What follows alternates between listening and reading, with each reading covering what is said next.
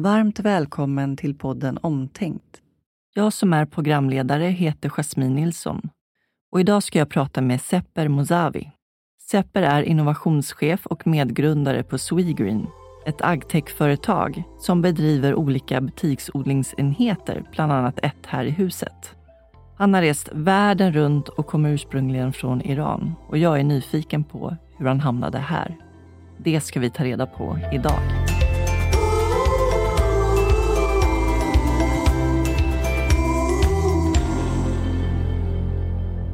Varmt välkommen till Omtänkt, Sepper. Tack så mycket. Tack för inbjudan. Det är jättekul att vara med. Hur är läget? Det är bra tycker jag. Jag längtar till våren. Ja, eller hur? Det Jag gör tycker man. att det är dags nu. Alltså. Ja, det, det är det. Alltså, det är bra att det har eh, börjat bli ljusare och ljusare, men man vill ha lite mer war-vibes. Ja, verkligen. Du är ju innovationschef på Swegreen. Det stämmer. Det är ett ganska litet bolag, men man måste ha lite så här tjusiga titlar också. Ja, så eller hur? Och det är ett urbant eh, lantbruksföretag. Det kan man säga. Det var en ganska rolig översättning som Mm. du har gjort om man Mm. ska titta på så urban agriculture Ja, eller vertical farming brukar man kalla den här branschen. Så Mm. det, det stämmer. Ja. Vad brukar du säga på svenska? Stadsodling Mm. är kanske den varianten som vi använder. Och det har du här i huset. Och det ska vi Ja. eh, prata mer om sen, tänker jag. Stämmer. Men eh, jag är nyfiken på vad som har format dig till den du är och hur Mm. du har hamnat här. Du har ju rest världen runt Det kan man säga. och ehm, letat efter ett sätt att kombinera din passion för hållbarhet och teknik och mat och stadsutveckling. Stämmer. Stämmer. Nej, alltså jag eh, kommer från en eh, familj i Iran, från typ så här eh, akademiska föräldrar. Och min fars sida, då ägde de ganska mycket lantbruksmark. Typ så här 70-80 kilometer utanför Teheran, huvudstaden. Och det var min farfar som bedrev det efter sin far också, så det var lite så här familjebusiness för dem. Och eh, då blev jag ganska intresserad av mat och jordbruk typ så här, i grund och botten. Men också såg hur det svårt det här branschen var de som jobbade för vår familj och hur beroende på olika typer av klimatförutsättningar, alltså vattenfrågor och så vidare var det också. Och då fick mig tänka på det ganska mycket som ett barn. Att hur kan man göra det här enklare? Alltså då kom det så naturligt för dig också med din uppväxt och var du kommer ifrån. Och... Både ja och nej, för att eh, jag var inte så nära till min eh, farfar på det sättet.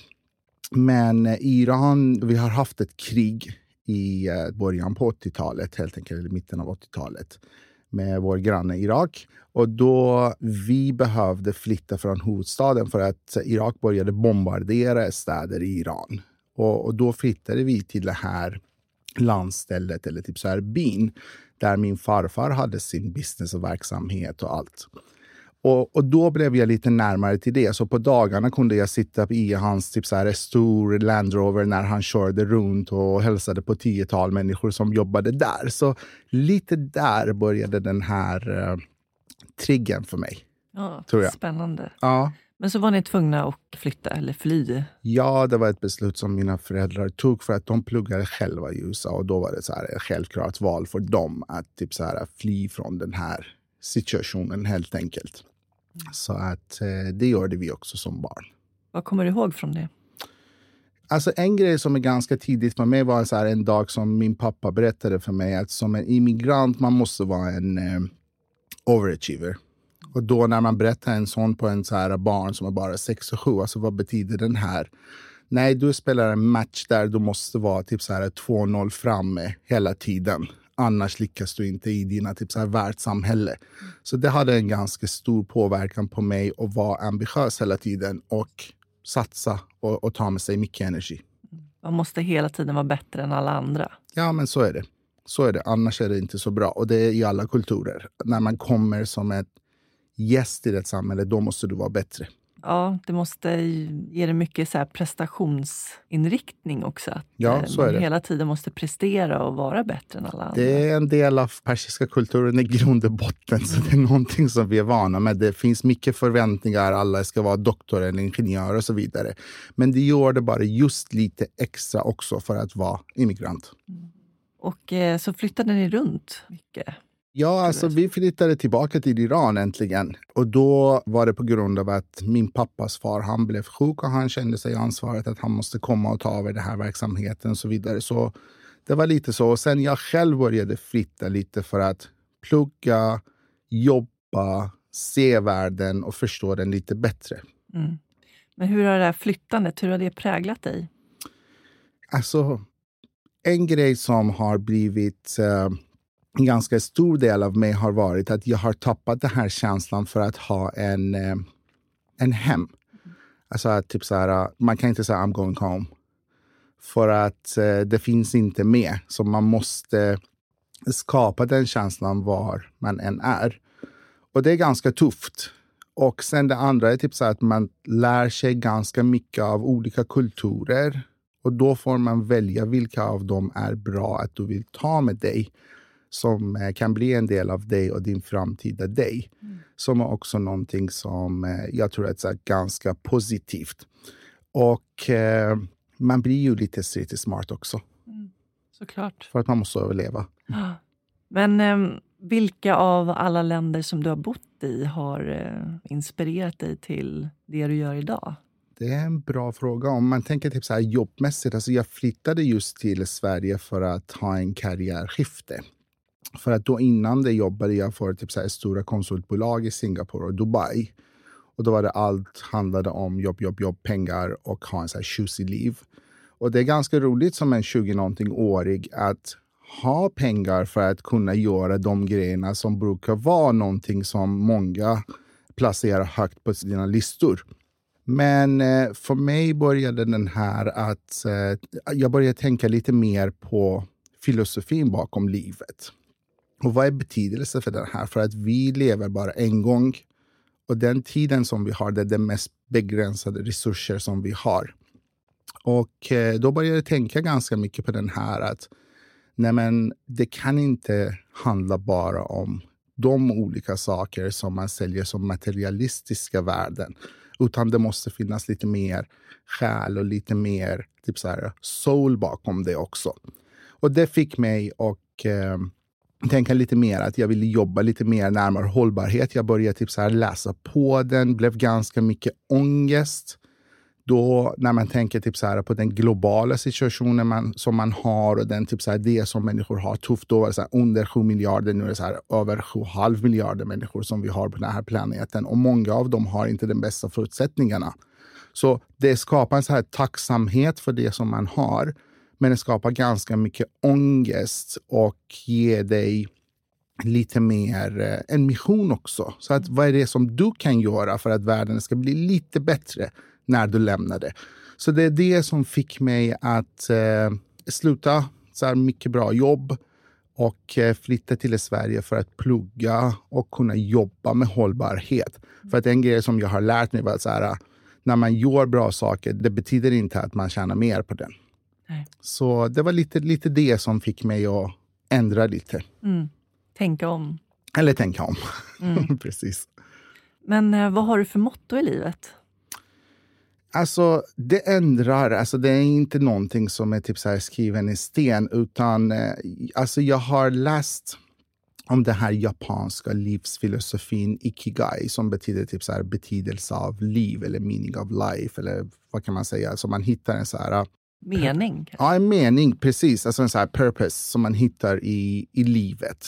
För att på morgonen ska man vakna och hoppa ur sängen och känna sig typ så här bra och peppad. Okej, okay, ja, men ny dag, nya möjligheter. Lite så. Och då är det så här eh, crossroad mellan typ så här eh, passion, kallelse, det som världen behöver och en så här mission som man skapar för sig själv och så vidare. Så man hittar någonting som man gillar att göra, världen behöver det, du är bra på. Och sen kanske man kan tänka på att man kan tjäna pengar på det också. Om det ska bli typ så här ditt jobb till exempel. Precis. Och eh, jag tänkte ganska mycket på det och började typ så här läsa om och om. Och varje gång som man läser det här som är ganska enkelt, alltså det behöver inte vara för komplicerat. Alltså när man tänker på sådana typer av kunskap, alltså indigenous knowledge typ, de är ganska enkla men jättekomplicerade å andra sidan. Så att jag tänkte ganska mycket på det och man kan inte bara ha typ så här äh, en mission i livet eller bara ett betydelse som är jobbet eller familjen. Men vad händer om det försvinner? Vad, vad händer om du blir sparken? Så att eh, jag har lärt mig att man måste ha typ så här ett kista eller så här, av alla olika typer av ikigai som man kan typ så här öppna och, och välja. Vilken vill jag ha idag? Eller typ så här för nästa sex månaderna. Vad har du nu? Alltså jag har fokuserat mig ganska mycket på jobbet. Mm. Alltså för att det blev en eh, stor del av mina typ 30-ålder helt enkelt. Jag har fyllt typ 40 för flera månader sedan. Grattis. Så kanske, tack. så kanske det ska bli typ så här en ny typ så här era för mig också. Och börja tänka om. Och jag är i clinch med mig själv för att hitta nya anledningar. För att jag har varit ganska fokuserad på att bygga en karriär, någonting, jobba någonting som jag gillar med. Så jag flyttade hit, hittade en av världens typ, så här, roligaste bolag att jobba med som tänkte typ så här, en av pionjärer i vertikala odlingar och det var tack vare ett projekt som jag har gjort typ så här, om futurism. Hitta typ så här, fem teknologier som världen kan överleva med. Och jag fick typ så här, prata med många duktiga människor. Försökte typ så här, från så här, Elon Musk till en så här, grundare här i Stockholm. Så äntligen gick jag till hans kontor och sa ah, men från imorgon vill jag jobba här. Jag jobbar här, sa jag till honom. Och han sa, vad fan pratar han om? men i slutändan jag fick det och jag är jättetacksam. Det har haft typ så här, stor, stor impact på, på mitt liv. Och sen efter flera år när det fungerade inte, jag har jobbat typ så här med många städer som en smart city-konsult. Och sen eh, medgrundade jag Swigrin tillsammans med fyra andra som hade olika typer av bakgrund från expert till affärsänglar och så vidare. Så det har varit ganska mycket som byggt mm. runt att hur kan man göra världen bättre? Hur kan man mata världen under framtiden? Eller hur kan man även odla mat på andra planeter? Och det, den tekniken gäller om vi vill gå och kolonisera Mars till exempel. Mm. Så att man ska odla där. Men nu känner jag mig att jag behöver tänka om igen. För att man ska inte tappa sin alltså happiness kanske i, i livet. Det är som lusten. Ja, men precis. Mm. Drivkraften. Drivkraften. Alltså man måste kunna typ så investera energi i sitt liv. Och har man inte den drivkraften bakom sig eller har man inte lusten, då kan man inte vara sitt hundra. Och man behöver inte hela tiden vara det också. Man måste kunna vila, man måste kunna ta det lugnt. Men man vill vara dedikerad mm. till livet. Inte bara typ så här, leva livet, för att vi, vi gör det bara en gång. Ja, och det är kort. Ja. Vad var filosofin bakom Swegreen och eh, utvecklandet kring det? Ja, alltså jag har jobbat i det här huset för över nio år nu. Alltså det har varit en så ganska lång resa. Och när eh, Plantagon misslyckats på grund av olika skäl. Mm. Och det kan vara typ så här, kanske den största var att bolaget var före sin tid och konceptet var lite typ så här, kanske under framtiden kunde det fungera och var lite onödigt och för dyrt för just nu. Mm. Då blev det en hel del dåliga känslor inne i mig. För att också en annan grej som samtidigt jag tänkte på att okej, okay, om Plantagon lyckas så vi får typ så här, få någon sorts partnerskap och man kan göra en exit. Jag hade en idé att skapa en accelerator i Iran. Och då var det också den tiden att de skrev den här kärnavtalet med västvärlden. Och då var det så här många resurser, och mycket hopp i landet och så vidare. Och sen blev det mark igen och idag är det typ så här uh, svart kol kan man säga för många. Så jag tänkte typ så här då för att ah, men nu kan man gå och skapa, typ så här, vara en del av det här startup-ekosystemet. Och sen rasa ner alla de drömmar när ett bolag går i konkurs eller det funkar inte i ett land. Så det är ganska svårt att typ så här, återhämta sig efter det. Och Swegreen blev det så här en förlängning av den drömmen att utveckla framtidsteknik för att kunna mata planeten. Men på en lite mer jordnära sätt. Mm. Att man behöver inte ha så många typ så här, höga ambitioner utan man kan göra det med det som man har i hand. Och då fick jag chansen att jobba med några som var lite mer jordnära affärsmänniskor också, affärsänglar som fattade det här lite bättre. Att man kan ta det lugnt och man kan komma ner från höga höstar och, och tänka lite så. Så det är det som är filosofin bakom Swegreen, att man ska använda teknik för att odla mat så nära som är slutkonsumenten som det går. Och vi har använt typ så olika typer av digitala och typ så här robottekniker och odlingstekniker kombinerat alla i en så interdisciplinär innovation för att kunna erbjuda odlingsenheter till matbutiker, restauranger, hotellkedjor, butiksodlingar helt enkelt. För det jag undrar över liksom, hur funkar det rent praktiskt? Mm. Prata om robotar och teknik. Och, ja, om du ska förklara för någon lekman person som jag som ja. inte förstår hur det funkar. Nej, helt enkelt, tänk om, tänk om så här, litet växthus som står mitt i matbutiken. Och eh, du kan odla där utan jord. Alla resurser de är supereffektiva. Man har den paradisen för plantorna som, som bor i den där och då skördar man där inne och då kommer de att typ så här komma till slutkonsumenten i samma butik. Så det är ganska enkelt på, på det sättet att tänka på det. Att man odlar och, och typ så här bemöter alla behov av en planta på ett eh, typ industriellt symbiossätt, mm. kanske kan man säga. Och eh, hur är det med hållbarheten när det gäller hur man ska förse plantorna med den energi som de behöver? Ja. Alltså akilleshäl av hela den här industrin att, uh, att man använder artificiell belysning, alltså LED-lampor helt mm. enkelt. Och då måste man kunna den här konsten att man måste kunna integrera de enheterna i de fastigheter som är värt till dig. Och till exempel här i huset, det var vår första farm på våning minus tre och då var det så här, arkiv till DN som blev tomt för att de digitaliserat. Och vad ska man göra där? Man kan odla mat. Ja, men vad roligt. Och då odlade vi, paketerade vi, skickade till, så här, till matbutiker runt omkring oss. Men det var en så här mycket typ Eh, high-tech symbios mellan huset och oss. Att vi tog koldioxid från det som eh, medarbetaren andas ur för att de plantorna de behöver det i fotosyntes. Och då behöver man inte ventilera lika mycket som man behöver med frisk luft som kommer utifrån som är kallare och man måste värma upp för att plantorna de plockar bort mm. koldioxid. Och samma sak med koldioxiderna, att ja, vattenkylda LED-lampor som man kan skicka överskottsvärme till huset och skicka det till de borrhålen som finns där nere. Så man bygger helt enkelt någonting som man kallar för symbios och det är det som funkar i naturen i en perfekt form, men i ett industriellt sätt.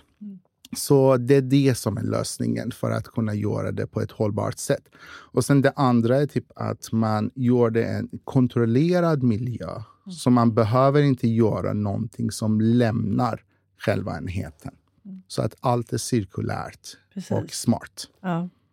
Är det lika näringsrikt och smakrikt? Det blir bättre faktiskt, för att då bemöter du deras behov. Många tänker att smak kanske kommer från solen, men det är inte solen, det är processen fotosyntes som behöver typ olika spektra av ljus. Mm. Och då ger man bara den till den och man har inte den perfekta. Alltså om man tänker typ så här, varför blir basilika från Genova den bästa? Mm. Eller varför är svenska jordgubbar så goda? Ja. Det är lite det. Ja, men varför är det? Ja, men för att vi har de förutsättningar under en svensk sommar för att kunna odla dem. Långa dagar, många, många timmar av sol och sen ganska kyliga nätter. Så de sover bara, helt enkelt. Okay. Så man bränner inte den så här sockret och biomassa. Så man mm. har en ganska liten typ jordgubbe som är supersöt. Mm. Och det här kan man mimikera helt enkelt med hjälp av artificiell intelligens. Så det är ganska mycket den delen som kommer för att modellera, simulera, veta och göra maskinlärning för att AI ska berätta för dig mm. hur ska man ha ett recept för svenska jordgubbar eller basilika genovese eller vad som helst. Ja, spännande. Mm.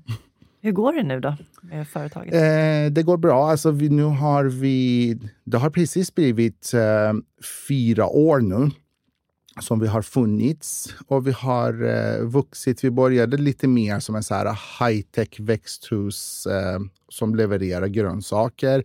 Sen ändrade vi till den här farming as a service-modellen som man erbjuder de enheterna till våra kunder i en eh, tjänstemodell, en servicemodell.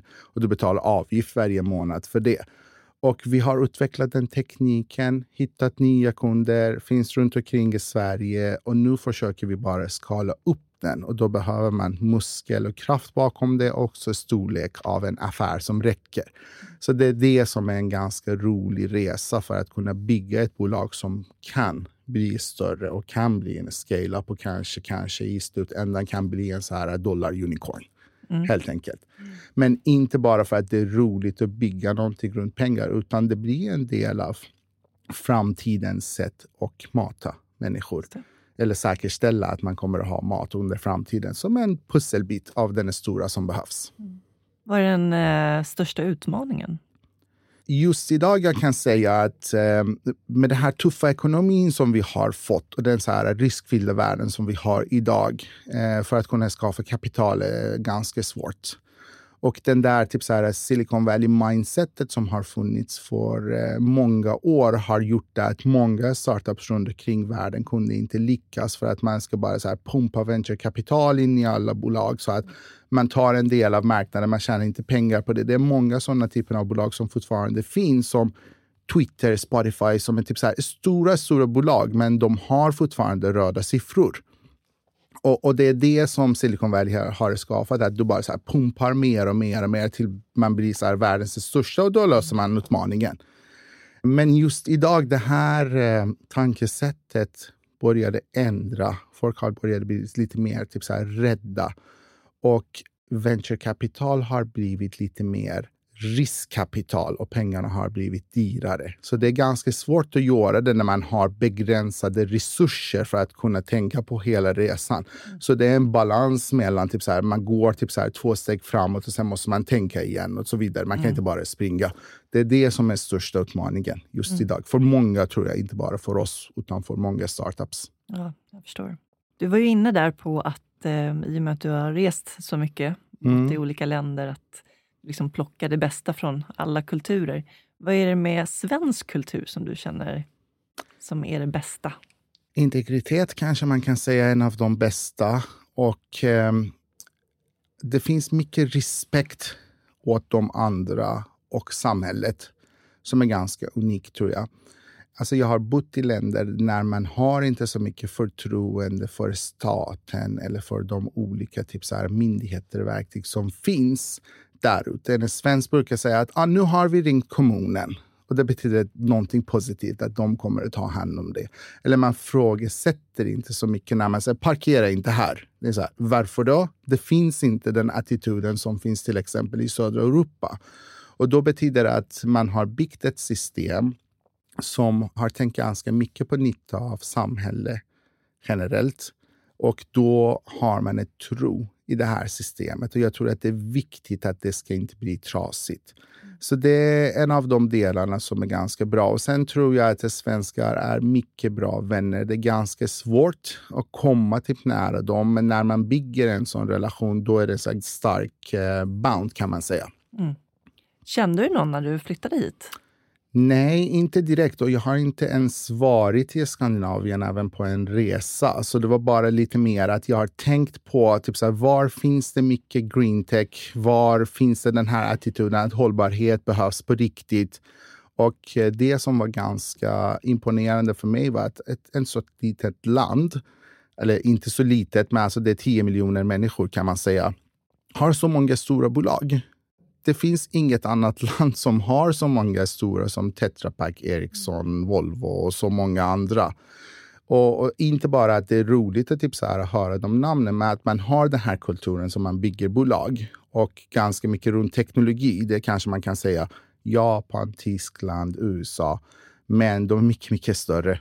Så att det var det som var kanske anledningen bakom att välja. Inte att jag hade ett bas här. Jag förstår. Mm. Hur var det att komma in i samhället? Var det svårt? Både ja och nej. Jag tror att det är mycket, mycket enklare att komma in i samhället som en expert eller som en student när man bara typ så här, äh, touchar lite mer på, på surface. Men att integreras är det mycket, mycket mer svårare. Och jag tror att det finns lite attityd också åt de människorna som är lite mer ambitiösa, särskilt som man, när man kommer som en kille som är det till Sverige. Jag tror att den här resan kunde ha varit mycket, mycket enklare om jag var en tjej. Intressant. Varför då? Alltså det är bara det. Alltså jag har ingen typ så här branding-nytta för någon som en typ, förlåt mig, svarteskalle kille som är superambitiös och vill vara bäst. Det är bara så här många negativa grejer om det. Och det är supertufft att, att ha det. Och det är samma typ så här, både i det professionella livet men också i den privata. För att eh, i samhället kan det vara samma sak också, att man känner sig lite för mycket. Så ja, det har varit tufft. mm, intressant. Mm. Hur ser du på din framtid? Kommer du vara kvar i Sverige? Det är en bra fråga. Alltså, jag har skapat mig ett eh, hem här i Stockholm, så det känns som jag är hemma. Men jag har berättat för dig att det finns inte den här, typ så här I'm going home-känsla för mig till någon annanstans. Så jag har fortfarande lite itch kvar, kanske till flytta till eller tillbaka till USA, där jag har min familj. Okej, vart i USA? Alltså både i öst och västkusten. Min okay. bror typ så här, han eh, bor typ så i Virginia, nära Washington och sen eh, Kalifornien också. Men och sen å andra sidan, jag har en dröm att jag kan typ så här flytta tillbaka till Iran och hjälpa bygga den vidare. Men just idag finns det inte de förutsättningar att man kan göra det. Jag har försökt, men jag har misslyckats. Det var ett lärdom som jag har lärt mig att det finns inte de förutsättningar för att kunna göra det. Så det finns lite den här triangle of sadness för mig. Typ så att man, man måste bara hitta ett sätt att kunna typ så bemöta det som känns rätt för dig i den fasen eh, du befinner dig i. Så jag är inte så bestämd om eh, framtiden. Men just nu känns det att typ, så här, jag har ett liv som jag är nöjd med. Mm, härligt. Mm. nu ska jag komma till antingen eller-frågor. Ja. Kött eller grönsaker? Det kan vara både och faktiskt. Alltså, jag förstår att eh, det finns det här trycket att man måste säga grönsaker. Ja. Och jag jobbar med hållbarhet och grönsaker själv.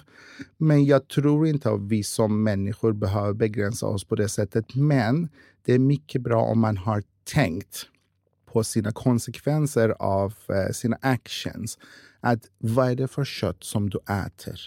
Och jag tror att om man ska göra det, då måste man göra det med kött som är dyrt, som har eh, odlats på ett bra sätt. Och det ska vara någonting som du njuter, inte bara någonting som du äter. Mm. Så att det blir någonting för din själ, mm. inte bara någonting som man gör. Och då bidrar man inte till den konventionella industrin också, som erbjuder bara dåliga, ohållbara, billiga alternativ till oss i, i matbranschen. Solsemester eller vintersemester? Just nu sol, definitivt. Ja. Spendera eller spara? Både och. Stad eller landsbygd? Stad tror jag. Jag är uppvuxen i bara megastäder, så för mig är det bara stad. Annars blir det bara uttråkat ganska snabbt. Det är så? ja. Se eller höra? Se. Tack så jättemycket Sepper för att Tack du gästade själv. Tänkt. Tack själv. Det var superroligt att få vara med. Det var jättetrevligt. Tack. Tack. Följ Tidningskvarteren på Instagram så missar du varken nästa avsnitt eller andra roliga saker som händer här. Omtänkt spelas in i Tidningskvarterens poddstudio och alla som jobbar här kan låna den för att skapa ljud och berätta historier i poddform. Skicka bara ett mejl till hej tidningskvarteren.se om du vill veta mer. Klippning görs av Jessica Körnmark. Tack så mycket för att du lyssnade på oss. Vi hörs igen om cirka en månad med en ny gäst. Ha det bra så länge. Hej då!